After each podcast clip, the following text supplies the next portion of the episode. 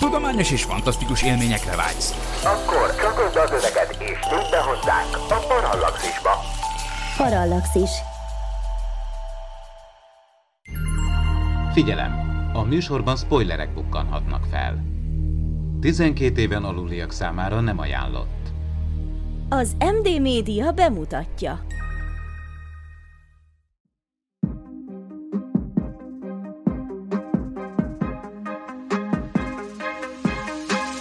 Tudományos és fantasztikus élmények Magdival, aki grafikus, Miklóssal, aki fizikus, és Ádámmal, aki nem. Ez itt a Parallaxis, az MD Media tudományos és fantasztikus podcastjének különleges kiadása. Szeretettel köszöntök mindenkit, ez itt a Parallaxis élőben, a Parallaxis 55. adása. Sok szeretettel köszöntöm a hallgatókat, illetve az itt meg egybe gyűlteket is. A Friends of Star Trek nevű rendezvényen vagyunk most, volt 51 Gamer Barban.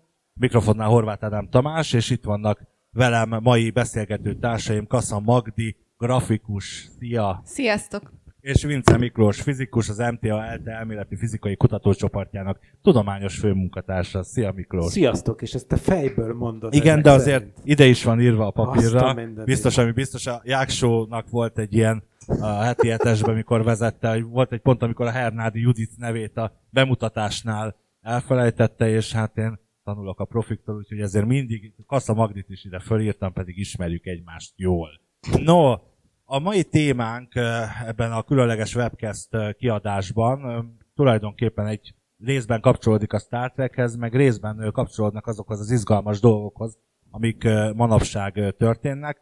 A kedves podcast hallgatóknak, nézőknek azért elárulom, hogy ma október 17-e van, ezt most jóval később halljátok és látjátok.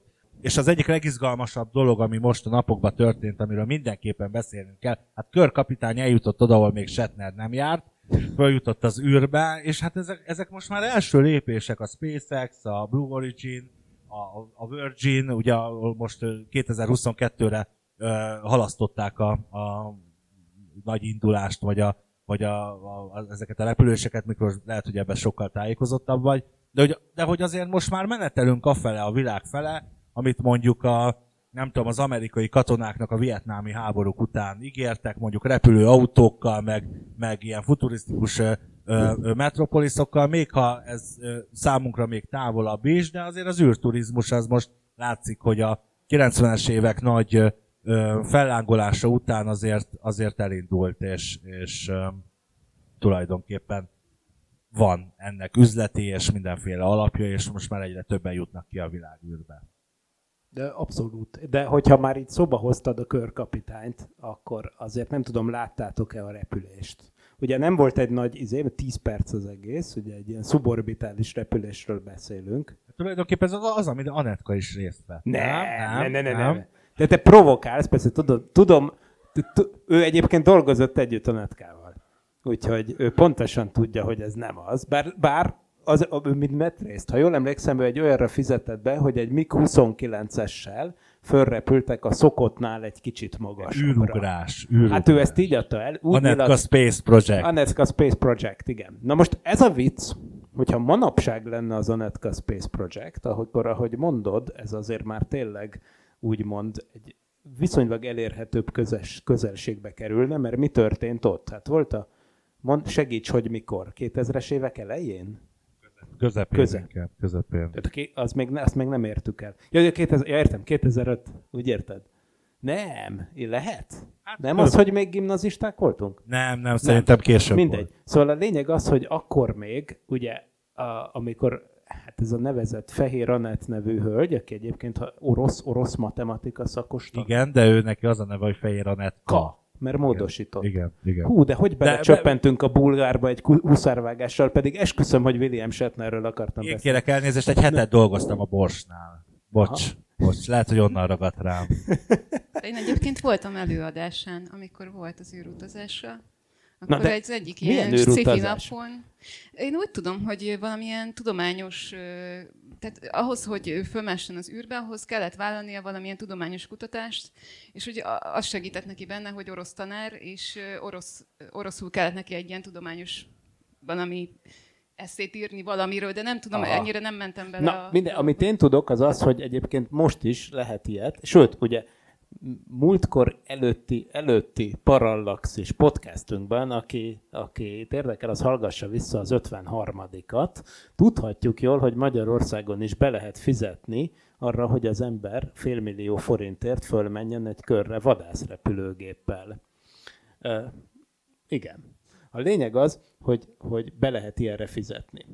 Ukrajnában egy olyanra is be lehet fizetni, amikor még a szokottnál is magasabbra reptetik az embert, egy módosított MiG-29-essel. Ez még mindig nem az űr, de az már sokkal magasabban van, mint a szokott repülőgépek utazó magassága, tehát akár 20 kilométerig fölment az ember. Az nem az űr, az a legvégső határ. Az űr a legvégső határ, persze. De hol van az űrnek az alsó határa? És ez a kérdés, amit most így elkezdenek egyre többen boncolgatni, és a körkapitány témát is érinti.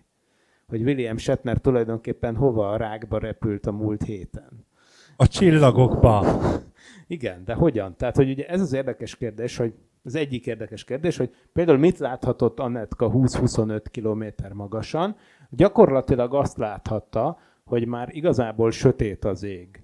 Tehát, hogy már nappal is láthat az ember csillagokat az égen, már 25 kilométer magasan, és egyébként ugye gondoljunk a stratoszféra ballonokra, amiben mi is valamelyest így média partnerként részt vettünk az UPRA csapatnak a stratoszféra ballon felbocsátásán. Annak idején volt erről is egy parallaxis eh, videó, azt is meg lehet nézni a parallaxis.emtv.hu-n, tehát ott már azt látja az ember 20-30 km magasan, hogy látja na- fényes nappal a csillagokat az égen, a fényesebb csillagokat, és látja a napot.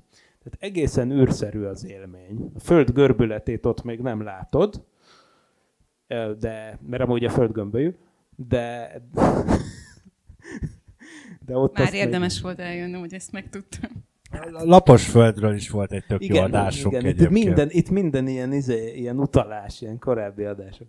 Na, szóval az még, azt még nem tekintjük az űrnek, de az már valami teljesen más közeg. Tehát ott ugye esélyünk se lenne életben maradni, persze, vagy ilyesmi.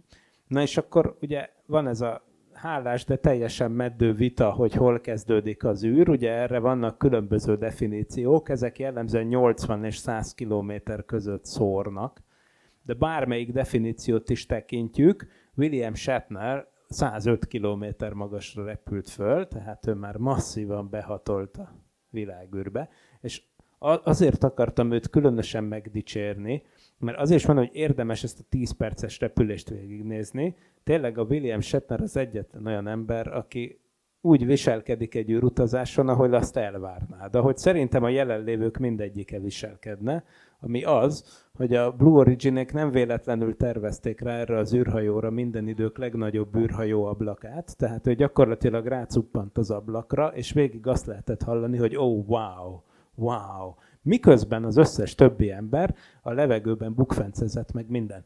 Ami egyébként nagyon menő, persze, hogy súlytalanság van három percig, ezzel csak az a baj, hogy ezt egyébként az űrön kívül is át lehet élni. Ugye én is voltam parabola repülésen. Egy parabola repülés olyan, hogy gyakorlatilag egy parabola repülés alkalmából utasszállító repülőgép átalakított verziója volt ez. 50, 50-szer volt parabola. Minden 50, mind az 50 az nagyjából 20 másodpercnyi súlytalanság. Hogyha azt összeadjátok, akkor az 50-szer 20 másodpercnyi súlytalanság az amúgy több, mint amit egy ilyen Blue Origin repülésen át lehet élni.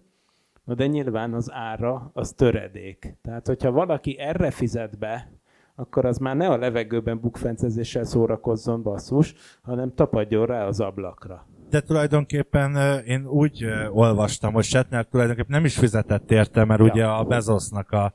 De a többiek igen. Igen, a többiek Na a ez az, fizetős. és pont ezek a többiek, akik amúgy fizettek érte, ezek voltak azok, akik nem érdemelték meg. Vagyis baromság volt, és a legjobban akkor látszott az egész, amikor leszállt az ejtőernyővel a kabin, és kiszálltak az emberek, ugye oda ment Jeff Bezos, meg a mindenféle ilyen pláza hölgyek, és vittek pesgőt, meg minden, és akkor óriási izé, kiabálás volt, meg minden, és egy full felületes dolog volt az egész, mindenki ott kurjongatott örömében, kivéve William Shatnert, aki egy csodálatos monológot mondott És még el is sírta magát, ami nagyon megható volt. És tudjuk, hogy egy nagyon jó színész, de ugye, ugye hogy ez igazi volt? Ez abszolút igazi volt. Tudjuk, hogy egy nagyon jó színész. Star, Star Trek találkozón nagyon vagyunk. jó színész, nagyon jó színész. Ja, amúgy abban a három... A TJ Hookerben olyan volt, hogy baromi jó, tehát nem, jó színész, jó Én színész. nem tudom. Figyelj, most vagy nagyon jó színész, vagy őszinte volt. De én akkor inkább, vagy. Tehát Végülis egy jó színész is lehet őszinte. Neked nyilvánvaló, hogy nem tudom, hogy rátok hogy hatna, vagy az itt jelenlévők tényleg hogy hatna, ha, ha akár csak egy ilyen három percig megtapasztalhatnák, mint a súlytalanságot, mind olyan magasságot, hogy, hogy tényleg az a, a látvány tárul eléjük. Én, én őszintén hiszem egyébként, hogy ezt, ezt ő abszolút meghatotta és átérezte, és De az volt a fura, hogy a többiek, hogy tehát ő volt az egyetlen ember, aki kijött, és elkezdett ezt, amit úgy hívnak, hogy hogy hívják ezt? Segítsetek már. Ez az overview effekt, ugye? Ezt így hívják. Eufóriába igen. Hogy, hogy milyen törékeny a föld, hogy milyen kicsi a légkör, hogy ami ott lent van az élet, ami fönt van az a halál, és csak egy keskeny réteg választja szét, és hogy izé, föld görbülete a végtelen. ne felejtsük el, hogy ő egy 90 éves ember, tehát ő, azért ő már tudja, hogy hátrafelé kevesebb van, vagy illetve előre, De- De... Há, hátra van több. Hogy, hogy én, én meg azt gondoltam, amikor így láttam ezt az egészet, hogy, hogy már Star Trek rajongó szempontból néztem az űrrepülését, és hogy, hogy nekem a torkomba dobogott a szívem, amikor, amikor fölment, mert hogy azt éreztem, hogy í- most ő ne, nem csak, hogy eljátsza körkapitányt, hanem ő körkapitány, mert kiment az űrbe. 90 évesen vállalt ezt az egészet. Fizikailag, szellemileg volt olyan állapotban, hogy felmehetett. Szerintem vannak olyan 20 évesek, akik ezt nem tudták volna megtenni. Simán. És hogy úgy éreztem, hogy hitelesítette a, a szerepét, azt, hogy ő volt körkapitány. Mert megtette, és egy, egy kicsit olyan... És tehát nem csoda, hogy nem reklám- bukfencezett a súlytalanságban. Hát mert az Enterprise kapitánya az nem buk, ugye, hát ott, Így izé, van, ott így van. ugye Van működik a méltósága. gravitáció, nem? Tehát, hogy ott álljon az ember, és nézzen ki az ablakot. Meg én azt gondolom, hogy, hogy ő ugye folyamatosan, tehát ő volt a Star Treknek azért az egyik arca, sőt, ha nem az arca, és hogy ő ezt játszotta, hogy az űrben volt kín is, és most nem eljátszania kellett, hanem átélnie ezt, amit, amit eddig játszott. Vajon amikor, amikor T-0 volt, vagy K-0, azt hiszem most már így mondják, akkor vajon mondta, hogy manőverezőket, meg, meg ilyenek, szóval, hogy vajon... Figyelj, Meg, megszivatták őket némi halasztással az elején. Tehát, hogy, hogy ott ugye volt ilyen, hogy vártak, vártak, és nem volt semmi a t 0 és ugye mentek a, a, a, valami volt, volt egy kis gigszer ott az üzemanyag feltöltésnél, tehát még akkor emberek matadtak az indítóállásnál, amikor már rég az szokott lenni a feladat, hogy mindenki két mérföldnyire hagyja el a starthely közepét, és, és csúszott is, tehát megváratták. De tényleg, azért ezt gondoljuk végig, tényleg ez egy mérföldkő, tehát az űrből visszajönni ezzel az űreszközzel, az akár 5G-nyi túrterhelést is jelenthet. Oké, okay, mondjuk, hogy ez egy turista út, meg hogy izé bárki mehet már, tessék, egy 90 éves pocakos bácsi is felment, bárki mehet. 5G. Tehát, hogy a, nem, most nem akarok tippelni, de tegyük fel úgy ránézésre, hogy William Shatner 100 kilós. Nem, szerintem nem lódítunk nagyot. Oly, Nem, biztos nem, nincs több 90-nél. Jó. De azt azzal, nehe, okay, de azzal nehezebb számolni, úgyhogy fizikusként fölkerekítek százra, nagyságrendi becslést végzünk, az azt jelenti, hogy fél tonnásnak érezte magát a visszatéréskor, tehát azt kell olyankor a szervezetnek elviselni. Szóval azért, azért maximum respect William Shatnernek. No de ez, a, ez az utazás, meg ezek az utazások azért lehetnek első olyan kis lépéseink az űr valódi meghódítása, vagy újra meghódítása felé, ami, ami tényleg elhozhatja azt, hogy kiussunk a, a mély űrbe is, és pár héttel ezelőtt, amikor ezt a, a rendezvényt promotáltuk a Parallaxis műsorban, én azt kérdeztem tőled, Miklós, hogy mit gondolsz a, a mai, a, amerre halad az emberiség, haladunk mi emberek, a mai technológiai és hozzáállásbeli szituációban, mondjuk, ha nem érkeznek meg 2063-ban a vulkániak, akkor bizony van-e esélyünk nekünk belátható időn belül, ami mondjuk nem azt mondom, hogy 500 év, meg 1000 év, hanem, hanem akár még a mi életünkben valami olyan lépést tenni, mint mondjuk Neil Armstrongnak a holdra szállása, vagy, vagy Russell Schweikartnak az első holdkon pilóta, erről is van adásunk, első holdkon pilótaként való ö, ténykedése, igen. Hát igen, van, abszolút, mert most egyébként az űrkorszak szerintem legizgalmasabb fejezetét éljük. Mert hogy, bocsánat, mert sokszor úgy tűnik, hogy egyébként annak az izgalmas űrkorszaknak vége van. Igen, úgy tűnt, amikor kicsik voltunk. Tehát, hogy a 90-es években és a 2000-es évek elején baromira úgy tűnt, hogy mi már rosszkor születtünk.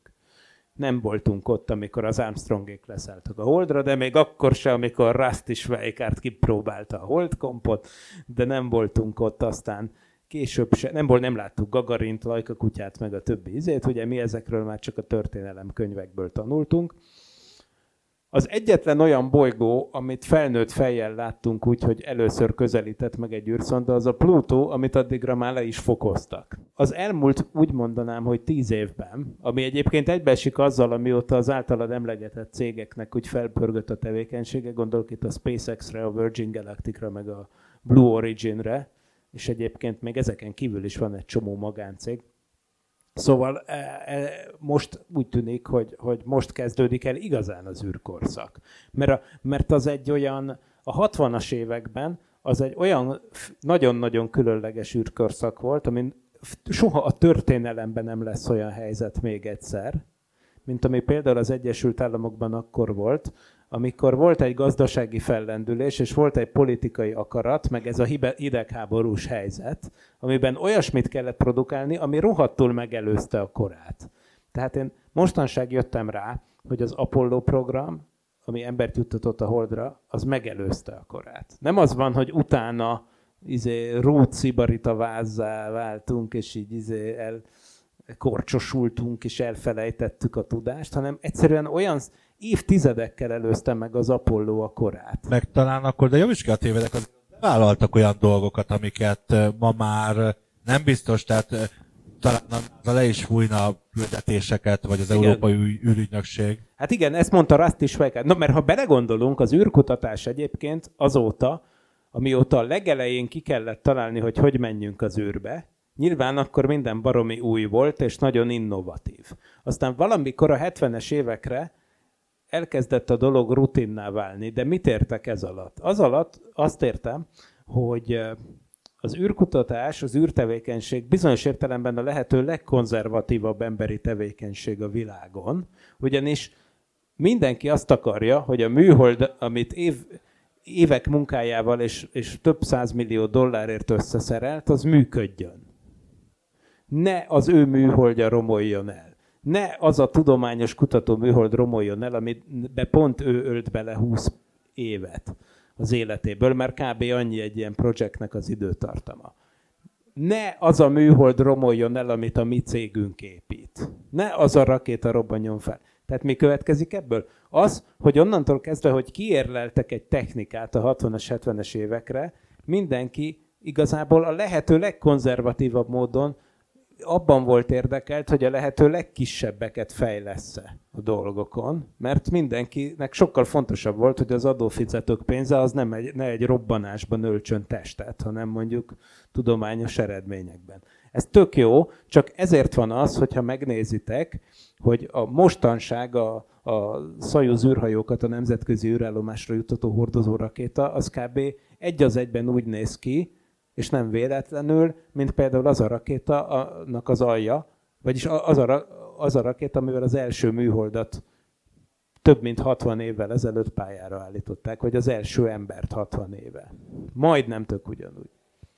Én csak mint kicsit laikusan szólok hozzá, de én azon gondolkodtam, hogy talán azért sem nézzük annyira ezt, vagy, vagy gondoljuk azt, hogy már nincs akkora ugrás ebben az űrkutatásban, mert mindig az elsőt nézzük. Az első ember az űrben, az első ember a Holdon. A, Igen. az Apollo 13-nál volt ez, hogy már nem közve, vagy tehát senki nem nézte az Apollo 13 közvetítését, mert senkit nem érdekelt, hogy már most hanyadik ember megy föl a Holdra, kit érdekel. És csak akkor kezdték el nézni, amikor a katasztrófa történt, Ez- mert sőt, akkor hogy- érdekes lett. Sőt, nem csak nem nézték, a televíziós állomások nem közvetítették. Igen, mert, Tehát, mert nem volt nézettsége Igen. az egésznek, és hogy most is például, hogy űrturisták mennek a, az űrbe, kit érdekel? Na. Hogy egy csomó gazdag ember fizet azért, hogy fölmenjen, nem érdekel senkit, de mihelyt a William, William Shatnert viszik föl, annak van reklámértéke, azt mindenki akarja nézni. Ez mindenképp egy szempont, meg az is egy szempont, hogy a William Shatner az egy megnézhető dolog. Tehát tényleg egy 10 perces repülés volt, hogyha már valaki látott olyat, hogy nézzük meg élőben, hogy a nemzetközi űrállomáshoz hozzákapcsolódik egy űrhajó, hát annál unalmasabb nincs. Tehát, hogy én nagyon szeretem, hát ez olyan, mint hogyha, nem tudom, tehát nem tudom, most a Wag- Wagner bérlet golf közvetítés tengely mentén kell elhelyezni egy ilyet. Tehát ez nem, ez nem, az, a, nem az a dolog, ami, amin lerágod a körben. De csak azt akartam mondani, hogy, hogy évtizedeken keresztül nagyon konzervatív volt emiatt az űrkutatás, és az állami szektor miatt volt ez. Mert az adófizetők pénzét, bla bla bla, a jól bevált módszert kövessük. És akkor ez megy.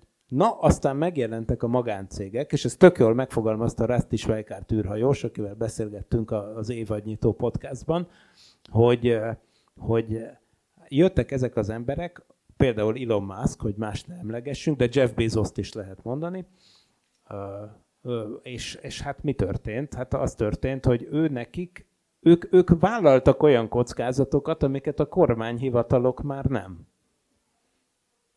És mert nekik tényleg volt egy víziójuk, és ők tényleg úgy voltak vele, hogy megéri esetleg a bazi nagy jövedelmükből ennyit felrobbanó rakétákra szánni, mert azzal lehet a leg... Mert egyébként vitathatatlan, hogy azzal lehet a legnagyobb ütemben fejleszteni, meg tanulni, hogyha az ember folyamatosan kísérletezget és felrobbantja a rakétákat. Az a legmenőbb tanulási módszer. Megjegyzés, egyébként az űrkorszak hajnalán a kormányhivatalok is ezt csinálták. Tehát akkor is minden rakéta felrobbant, és két hetente próbálkoztak újra. Nem az volt, mint hogy, izé, hogy aztán éveket vártak, hogy megcsinálják, aztán... Izé. Szóval, de ugye ők aztán rájöttek valamire, ott maradtak. De most itt vannak ezek az emberek, akik sokkal nagyobbat mernek álmodni. A, a- az Elon Musk az kb. 20 évvel előre álmodja a marsra szállást ahhoz képest, amit a NASA eredetileg kitalált, hogy mikorra realisztikus, és nagyon könnyen lehet, hogy inkább neki lesz igaza. Na de akkor még mindig ott tartunk az én... Mert próbálom a Star Trek fele terelni a Jó. témát, de hogy, de hogy még mindig ott tartunk, hogy tulajdonképpen, mert, az, mert a Star Trekben az egy, az egy nagyon fontos momentum. Amellett, hogy megismerkedtünk egy földön kívüli fajjal, és ö, történt, aminek történnie kellett, de egy nagyon fontos momentum az, hogy azért ők, ők technológiai egy jóval fejlettebb faj, akik, akik ö, nek a, a segítségével vagy hatására, most erre persze belemeltünk vitákba, mert az Enterprise-ba kiderül, hogy azért inkább lehet, hogy az hátráltatás volt, mint, mint ö, segítség a vulkániak részéről, de, de általánosságban véve, csak a tényeket nézve, van arra esélyünk belátható időn belül, hogy valóban ö, ö, olyan távolságra kerüljön tőlünk, akár csak a naprendszerben lévő bolygók, akár a Mars, vagy akár a Plutó, hogy, hogy oda úgy ellátogassunk, hogy problémamentesen? Vagy egyáltalán, hogy az esélyünk meg legyen? Abszolút. Hát ez, ez igazából technikailag megoldható ma. A Mars. Igazából az a baj, itt van nálam egy 1958-as könyv, amiben egyébként taglalják a korabeli nagy német raké... Ez egyébként egy német könyv, vagy csak le fordítva magyarra, de egy Heinz Milke nevű könyv ö, szerzőnek a könyve.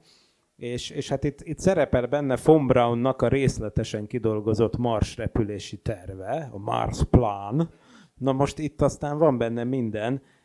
Itt ugye az van, hogy 70 emberből álló személyzet, részletesen meg van tervezve egy űrhajó, ami egyébként hát nem kevesebb, kérem szépen, mint a hajtóművek fogyasztása nem kevesebb, mint ezt nem is tudom ki, kiolvasni, de, de 5 millió 320 ezer tonna üzemanyag, tehát hogy valami ilyen grandiózus mars, ilyen Wagneri mars izé, meghódító nagy gigantomán izé, német terv, tervről van itt szó. Ö, 532 tartályhajó egyenként 10 ezer tonna űrtartalommal, az kell hozzá, meg mit tudom én, 1730 kilométerrel a föld felszíne felett szereljünk össze 950 szállító repüléssel egy űrállomás, tehát hogy na, szóval ez, ezek a dolgok, ezek lehetségesek, egy technikai akadály nincs. Ezt 1950-es években írta le az ember, és igazából ezzel nem azért, tehát mostanában azért lejjebb csavartuk a potmétert, most már nem ilyen Wagneri víziókat gondolunk arról, hogy hogyan kéne elmenni a Marsra, de ez nincs, nincs neki technikai akadálya. Igazából azon megy a szőrözés, azért nem vagyunk még ott, mert olcsóbban és gyorsabban szeretnénk csinálni. De ilyen értelemben fizikai akadálya nincs. Azt mondanám, hogy mérnöki akadálya sincs, anyagi akadálya van, de most az Elon Muskék rájöttek ilyen dolgokra, mert mi jött, mire jött rá ez a fickó? Ugye mi, miben rejlik a forradalom? Abban rejlik a forradalom, hogy a csávó fölfedezte, hogy a rozsdamentes acél, ami körülbelül zilliószor olcsóbb, mint az ilyen szénszál erősítésű, mit tudom én milyen, meg titánium üzék, amikből építették eddig az űrhajókat, meg a rakétákat. Szóval a rozsd, van olyan rozsdamentes acél ötvözet, ami mindent tud, ami egy rakétának kell. Tele van a konyhám vele például. Pontosan. De ugyanaz az anyag amiről eddig, ugye emlékeztek, hogy az űrrepülőgép hogy nézett ki, több tízezer kis kerámia csempével volt beborítva, hogy azt a több ezer fokos hőt, ami a légkörbe visszatéréshez kell, vagy ha már itt tartunk, a Marsra való leszálláshoz kéne, azt át tudja, el tudja viselni. Ugye ezek nehéz és drága anyagok voltak, és ráadásul eh, nehéz, tehát nem nagyon tűntek újra hasznosíthatónak sem, annak ellenére, hogy ez lett volna a cél. Tehát ahhoz, ahhoz tulajdonképpen, hogy az emberi kolóniákat létrehozzuk a Marson, vagy bárhol máshol a naprendszerben, ugye elengedhetetlen tulajdonképpen az a technológia, amit uh, ugye a SpaceX-nek úgy néz ki sikerült azért úgy eléggé ez, ez olyan, mint amikor nézit, nézitek az ősembereknél, hogy elkezdődött a kőkorszak után a vaskor. Tehát ez egy olyan szintű technikai ugrás, mert mostantól lesz az, hogy, hogy történt olyan technikai előrelépés, hogy nagyságrendekkel olcsóbb lehet az űrbe menni. Miért mehetett el William Shatner az űrbe? Azért mehetett el, azért lehet egyáltalán űrturizmusról beszélni, mert ez a rakéta, amivel ő repült, és az űrkabin teljes egészében újra hasznosítható. Ez korábban elképzelhetetlen lett volna. Tehát maga a rakéta is visszaszáll, meg a kabin is visszajön. Száz-száz annyit kell csinálni, hogy újra összeszerelni, átvizsgálni és feltölteni üzemanyaggal. Most ehhez képest eddig az űrkutatás úgy nézett ki, mint képzeljük el, mennyire lenne fejlett a légi közlekedés, hogyha mondjuk milyen, minden Boeing 737-est vagy Airbus gépet csak egyszer lehetne használni. Hogy mondjuk átrepülünk Budapestről New Yorkba, és kész. Hát képz, nyilván nem, nem tudnák eladni a repülőjegyek, de pontosan exaktul ez volt az űrkutatásban a probléma. Tehát ami az elmúlt évtizedben történt, hogy a rakéták részeit újra lehet használni, sokkal nagyobb arányban, mint korábban. Ez tényleg egy olyan nagy lépés, hogy ezért mondom azt, hogy most kezdődik az igazi űrkorszak. Az egy állami erőfeszítéssel erőltetett dolog volt korábban, 60-as, 70-es évek. Nem tartott, nem volt gazdasági igény arra, ami történt. Az egy politikai dolog volt. Tök jó, hogy volt. Politikai katonai nyomásra megszülte, hogy embert küldtünk a holdra. Tehát igazából nem tartunk. Hol tartunk most? Azt mondják egyébként, hogy megérné kisbolygókat bányászni. Mert egyrészt olcsón tudunk oda menni, másrészt pedig azt mondják, hogy mondjuk a kisbolygó kibányászása a sából annyi uh, dolgok, annyi mindenre lehetne szert tenni, ami a Föld jelenlegi összes GDP-jének az ezerszerese. Mert annyi nyersanyagot lehet onnan kibányászni. Itt vannak például az M-típusú kisbolygók, M mint metál, ezek fémből vannak, ugye tele van velük a naprendszer. E, egy, egy ilyen átlagos két-három kilométeres kisbolygó, azt írják, hogyha olyanok az összetételei, mint amit a meteoritok alapján gondolunk, akkor az tízezer tonna aranyat tartalmaz, vagy százezer tonna platinát, vagy 10 millió tonna nikkelt. Akkor ez már ö, cáfolja azt, amit Vilmos Herceg mondott, hogy a föld megmentése lenne az első cél, és nem az űrturizmus. Mert hogy akkor ezzel tulajdonképpen két legyet egy csapásra. Pontosan. Tehát én csak erre azt tudtam mondani, hogy oh dear, tehát hogy igazából szegény Vilmos hercegő nem, nem nagyon lát ki ebből a dologból. Hát ha már itt, itt sporolni kéne, akkor felvetném amúgy, hogy az angol királyi család fenntartása amúgy mennyibe kerül. Most ehhez képest az, az egyébként például a, a Shatnernek a repülése az eltörpülő összeg, és, és valóban ezek technológiai demonstrációk. Most már újra lehet használni az űrhajókat. Most már elindulhatunk úgy bányászni, hogy, hogy, hogy nem, nem használjuk föl, hogy, hogy többször is felhasználhatjuk a dolgokat. Ez, ez iszonyatosan menő. Innentől kezdve majdnem ott tartunk, most nyilván eltúlzok, még évtiz, egy-két évtized még kell ehhez, de gyakorlatilag üzemanyag áron lehet majd repkedni a kisbolygókhoz. És igen, a Földön nekünk ettől jobb lesz, arról nem is beszélve, amit meg a kínaiak kezdtek meg, és az is nagyon kell ahhoz mi, hogy mi Star Trek világgá tudjunk válni, hogy az űrben termeljük meg a Föld számára az energiát. Ugye az az ötlet, ez már 80-as években felmerült, hogy föl kéne rakni marha nagy napelemtáblákat az űrbe, ugye ott, ott ugye sose borul be. Ugye azért jó, azért jó napelemet rakni az űrbe, mert ott mindig süt a nap. Ez konkrétan oda kell rakni, ahol mindig süt a nap, soha nem takarja el semmi, folyamatosan. És akkor eh, tulajdonképpen egy, egy mikrohullám vagy lézer nyaláb formájában le lehet küldeni az energiát a Földre. Itt is igazából mérnöki problémák vannak, de ez egy nagyon egyértelműen olyan koncepció, ami szerintem sokat segíthet a Földön. Na de ez ugye arra vonatkozik, hogy, hogy a, itt nekünk a Földön mennyire jó és mennyivel lesz jobb, ami nyilván egy teljesen tök pozitív dolog. Azt gondolom, hogy a, ha az űrturizmus, vagy hívjuk bárhogy, ez felmerül, vagy azt, hogy idegen világokra költözzünk, akkor az egyik komfort érzet elvonás, az, az például abból fakadhat, vagy számomra például abból fakadna, kimegyek, a, felszállok egy ilyen űrhajóra, és megfulladok az űrben, mert nem tudom, kiukad az űrhajó, vagy a bázis a Marson, vagy bárhol. Tehát, hogy azt a, e, e, ezt a, ezt a dolgot, ami egyébként a Star Trekben tökéletesen jól megjelenik már, hogy ott nem izgulják túl ezt a dolgot. E, mi kell ahhoz, hogy ezt mi se izguljuk túl? Egy jó pszichológus. Oké. Okay.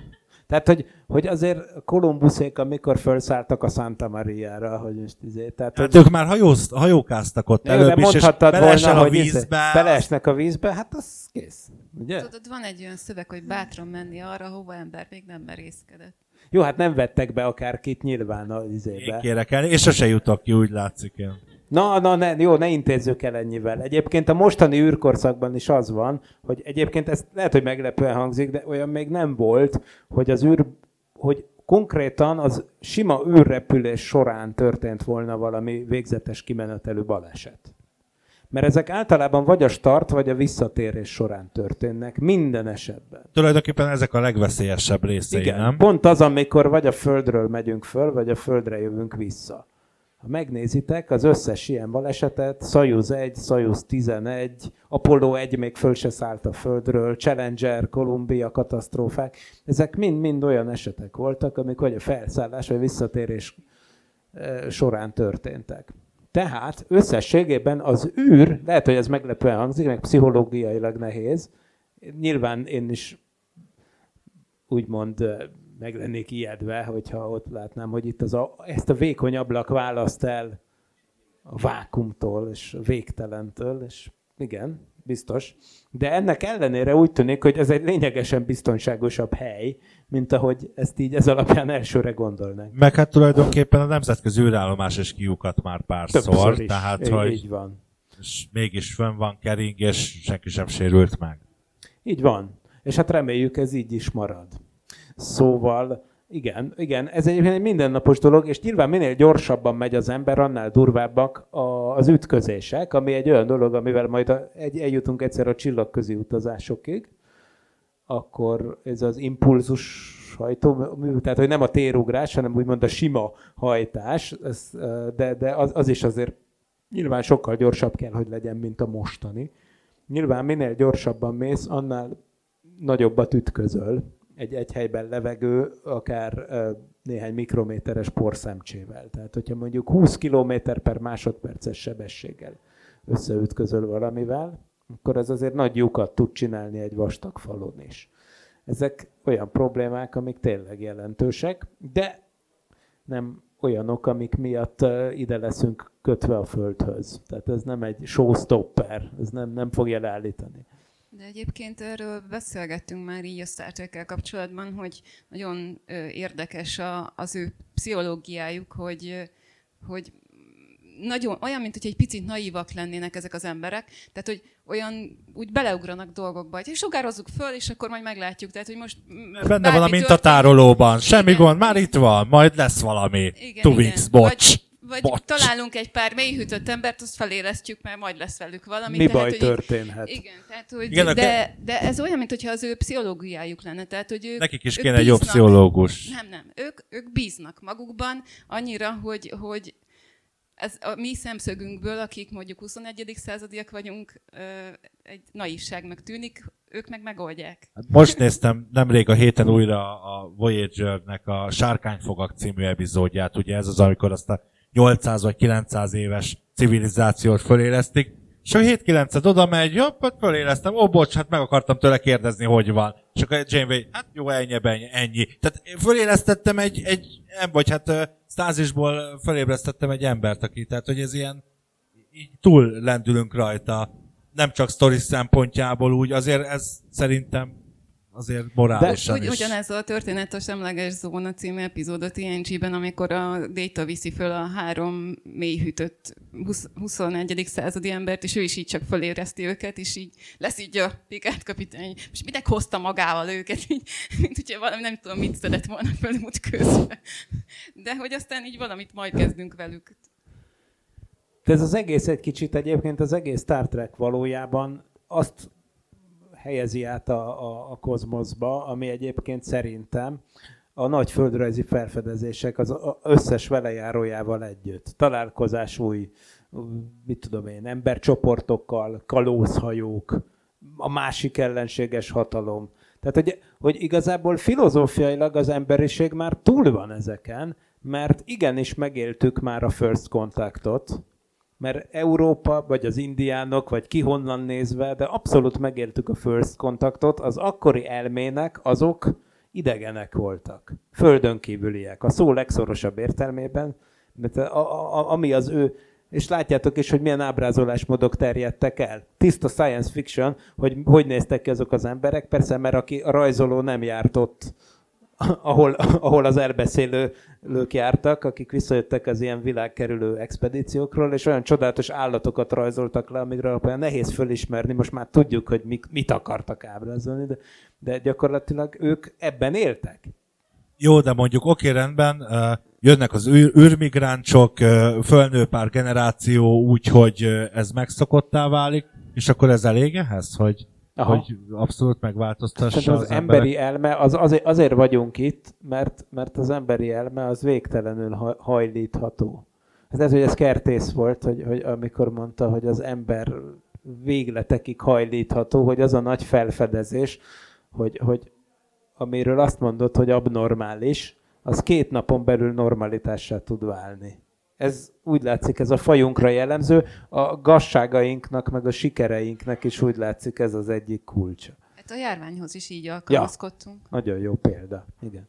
Szóval tulajdonképpen mondjuk mi most mindannyian hazamegyünk, és utána ö, nagy meglepetésünkre minden ö, híroldal és a, a ö, híradók arról számolnak be, hogy ö, tulajdonképpen a, megvalósították a térhajtómű technológiát, most tegyük fel, akkor, ugye mert végül is ez az egyetlen akadálya annak, hogy igazából a, a, hát a fénynél gyorsabb utazás az, hogy mi most tényleg kime, kimenjünk a naprendszeren kívülre is, nyilván a naprendszerben is egyszerűbb lenne utazgatni. Mennyi idő telne el szerintetek addig? Ugye a, az Enterprise-ban látjuk, vagy tudjuk onnan, hogy ott azért viszonylag sok idő telik el, mondjuk az ötös fokozatú Enterprise indításáig, hogy durván száz év.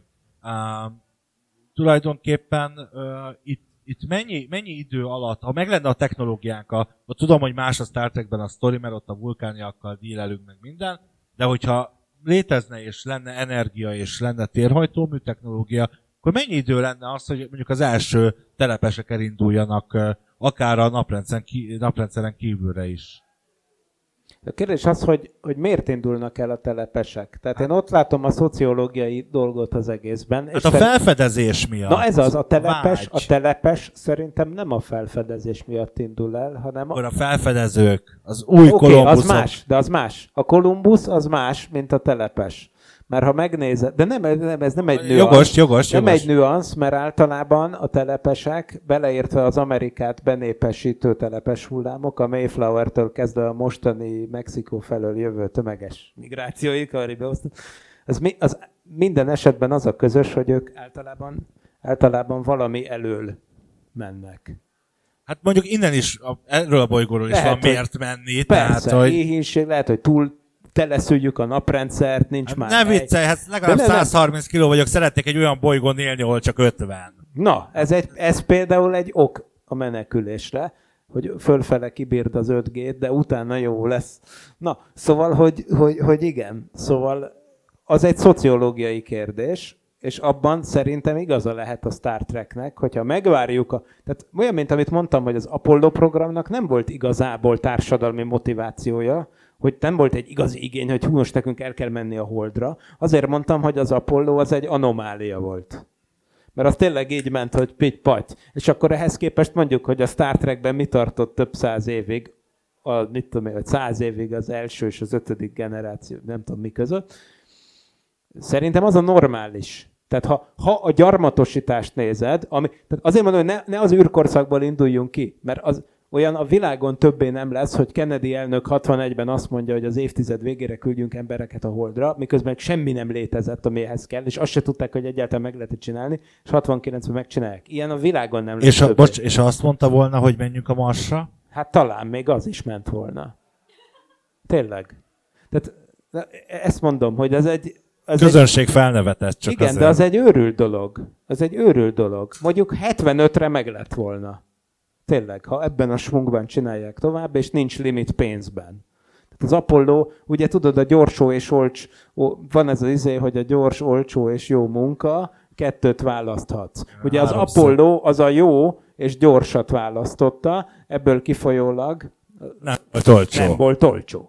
Ugye? Na, mindegy. Szóval visszatérve. De hogyha nem ebből indulunk ki, ami még egyszer egy csodálatos anomália volt a történelemben, aminek na, rengeteget köszönhetünk, most, hogy itt vannak ezek a kütyük az asztalon, ez ugye iPad-ek, személyi számítógépek, ez mind abból a törekvésből ered, hogy egy nagyon pici helyre egy fedélzeti számítógépnek be kell férnie, hogy tudjunk az űrhajóval vagy a rakétával navigálni. Nem azért, hogy kis cicás képeket nézegessünk a Facebookon, mert az az igény az közben jelent meg. Akkor még senkinek nem jutott eszébe. Ez a, ezt a technológiát, a miniaturizálás iránti szükségességet ezt tette lehetővé. Tehát az Apollo az egy csoda volt, de egy anomália. Hogyha a dolgok társadalmi folyását nézzük, akkor viszont inkább a gyarmatosításból indulnák ki. Indulnánk ki. Tehát, hogy, hogy, hogy azt, azt tekinteném mérvadónak, hogy mondjuk Kolumbusz és a függetlenségi nyilatkozat között mennyi idő telt el. Ugye kevesebb, mint 300 év, de azért az, egy, az, az valami ilyesmi. Tehát, hogy annyi, annyi generációnak azért le kell menni, és oké, okay, hogy begyorsul a világ, de szerintem ilyesmi van, tehát, hogy mire tényleg, tényleg általános jelenlétünk lesz a Marson, hogy, hogy mert le, lesz, lesz. Tehát ha az emberiség nem csinálja ki magát, akkor ezek elkerülhetetlen folyamatok, de hogy városok legyenek a Marson, mondjuk több milliós lakossággal, az, az évszázadokra van. De a Kolumbusz az közel van. Mert mondjuk a, a Nat Geo pár éve ugye megcsinálta a Marsutunk a Vörös bolygóra című filmet, amiben, amit igyekeztek úgy ö, megcsinálni, hogy ugye egy fikciós ö, elemet és vonalat is tartalmazott, és ott azért elég reálisan a mai technológiát, vagy a technológiákat felvonultatva tulajdonképpen álmodták meg a, a nagyon közeli jövőben a, a marsutazást, illetve a, a marson élést. Van egyébként más olyan bolygó, ahol, ahol ami fölmerülhet mondjuk, eljutunk mondjuk a Marsra, mondjuk hány éven belül? Szerinted mikor jutunk el a Marsra? Ö, mi ketten? Hát na- nagyon soká, de hát nézd, 15. és mondjuk 15-20 év múlva eljut az emberiség a Marsra, akkor szerinted mi lesz utána a következő, vagy mi lehet utána a következő célpont itt a Nyilván valami hold. Hát nem? ugye van ez a kisbolygóbányászat, amit említettem, tehát ez ez, ez fontos... nem lehet, hogy ez ilyen paralel Ez paralel, ki? Tehát, persze, hogy ez biztos. Ez paralel. Egyébként sok terv van, tehát az emberek egészen hülye helyeken is tudnának lakni, ha van értelme. A Vénuszról el szoktuk mondani, hogy tüzes pokol, nem lehet lakni rajta, mert 90 atmoszféra nyomás van az alján, és mind meghalunk. Viszont a Vénusz felső lé- légkörében, ilyen léghajó valamiken tökre lehetne lakni. Jó, ez minden ilyen uh, tudományos dokumentumfilmben, ami ezzel foglalkozik, ez ilyen légkörben lehet lakni. Igen. Ez mennyire életszerű? Tehát, hogy tényleg mennyire életszerű az, hogy emberek ilyen, ilyen Semennyire. Tehát nekem ez a kérdés az egészben, hogy miért mennénk oda? Ugye? Minek, minek ment oda? Tehát ez, ez az, hogy, hogy, hogy valami kell. Erre mondtam, hogy, hogy a telepes hullámok is azért valami, tehát valami kell, hogy azok oda menjenek, hogy átköltözzenek Európából Amerikába.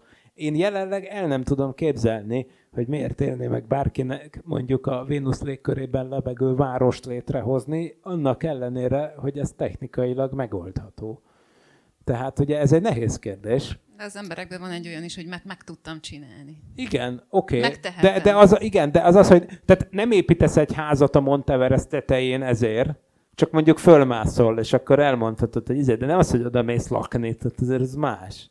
Tehát fura, és e, itt, itt ezt ne, lá, nem látom, ezt nem látom, hogy tehát a marsot el tudom képzelni, hogy megtelepszünk ott. Azt is, meg tudom, ezt is el tudom képzelni, hogy, hogy a kisbolygókon megtelepszenek az emberek. De lehet, hogy lesz egy olyan, hogy két milliárdos beszélget száz év múlva, és majd az egyik, hogy nekem a Marson van házam. Az semmi, nekem meg a Vénusz légkörében van. Jó, hát ez egy szempont, hogy lehet vele vagizni, igen. Státuszszimbólum egy vityilló a Vénusz légkörében, ez, ez, ez ugye egy faktor, ez sem lebecsülendő. De Á, nekem iVénuszon van, bocs. Á, a, az, a, az az idő, mi- milyen rövidnek kell lennie az, az ugye most, ha jó időben indulunk, akkor körülbelül fél éves az út a Marsra, ugye? Nagyjából. de ez sokkal rövidebb is lehet, csak nagyon sok energia kell hozzá. De mondjuk ez a kényelmes, ez mondjuk fél év ez. Hát ja, Nagyjából. mondjuk. Milyen rövidnek kell lennie az, az adott utazásnak, hogy mondjuk nyilván technológiai függő, de mondjuk van jobb technológiánk, mint most, akkor milyen, mi, mennyire kell mondjuk mit tudom, az Alpha Centaurig, vagy, vagy Na, bármeddig. Tehát, itt- tehát mi, itt- mi az a hossz, ami, ami Most, amiket, ami technológiák vannak a láthatáron, azzal az Alpha Centaurig, ami ne- négy fényévnyire van, 40 év alatt lehet eljutni. Ez ugye iszonyatos sebesség, mert, mert az a fénysebesség egy tizede. Most ez nem az, hogy ezt most meg lehet csinálni, baromira nem. Ez több évtiz, ez, ez egy emberöltőnyi munka lenne, meg megint csak végtelen pénz, ugye? Tehát ugye ez megint az... fölmegyünk, kibányásszuk, van végtelen Igen, zsazsó. vagy megcsináljuk a magfúziót, végtelen energia, végtelen pénz. Ugye? És akkor pont a magfúzióval lehetne például egy űreszközt hajtani, az a Daedalus űrszonda, hipotetikus űrszonda, még a 70-es években terveztek a, a, a britek. Meg egy nagyon jó kis hajó egyébként a Stargate univerzumban. Ó, na. Vagy egyébként ugyanezt a sebességet célozza meg az Ali Avilabe, hogy csak a régebbi Parallaxis podcastokra utaljunk, ugye az a harvardi csillagász, aki azzal szokott kedélyeket borzolni, hogy az a furcsa alakú kisbolygó, ami, vagy hát jó ég tudja micsoda, ami két évvel ezelőtt jött, Oumuamua. Oumuamua, igen, az a zseniális vagy, hogy, hogy az ugye mesterséges eredetű lehet, ami így ellendült a naprendszerben. Ugyanez az ember ugye részt vesz ebben a, a Breakthrough Starshot nevű programban, ami ilyen icipici, tehát ilyen papírfecni méretű kis nano űrszondákat küldene a legközelebbi csillagokig lézertolással. Most annak nagyon okosnak kell lennie annak az űrszondának, és nekünk is nagyon okosnak kell lennünk, hogy egy ilyen pici műtyürkének a rádiójeleit olyan távolságból tudjuk venni, meg eleve, hogy eltoljuk odáig lézer. Vagyis fel, nem, nem odáig kell tolni, nem folyam, egyszer kell fölgyorsítani, lézerrel egy pici tömeget fel lehet gyorsítani nagy sebességre, ez az ötlet. És akkor az mondjuk 50 év alatt elérne a legközelebbi csillagig. Na, de, de én nem ezt mondanám, azt mondanám, és, és én nekem ez a fixa ideám, hogy ez nem így lesz. Ez nem így lesz, hogy be fogunk gyorsulni, ez úgy lesz, hogy be fogunk lassulni. Mert az orvostudomány szerintem jelen pillanatban sokkal közelebb van ahhoz, hogy örök életünk legyen, mint amennyire az űrtechnika van ahhoz, hogy a fényhez közeli sebességgel repüljünk. Vagyis a génmérnökséggel, meg az emberi szervek újra csinálásával, meg olyan, olyan technikákkal, amik már most felsejlenek a láthatáron, szerintem egy reális cél az, hogy egy évszázadon belül, ha nem is örök élet, de radikálisan meghosszabbított emberi élet, az a látóhatáról legyen. Mit jelent ez? Egy tízes faktort. Képzelj el egy ezer évig élő embert.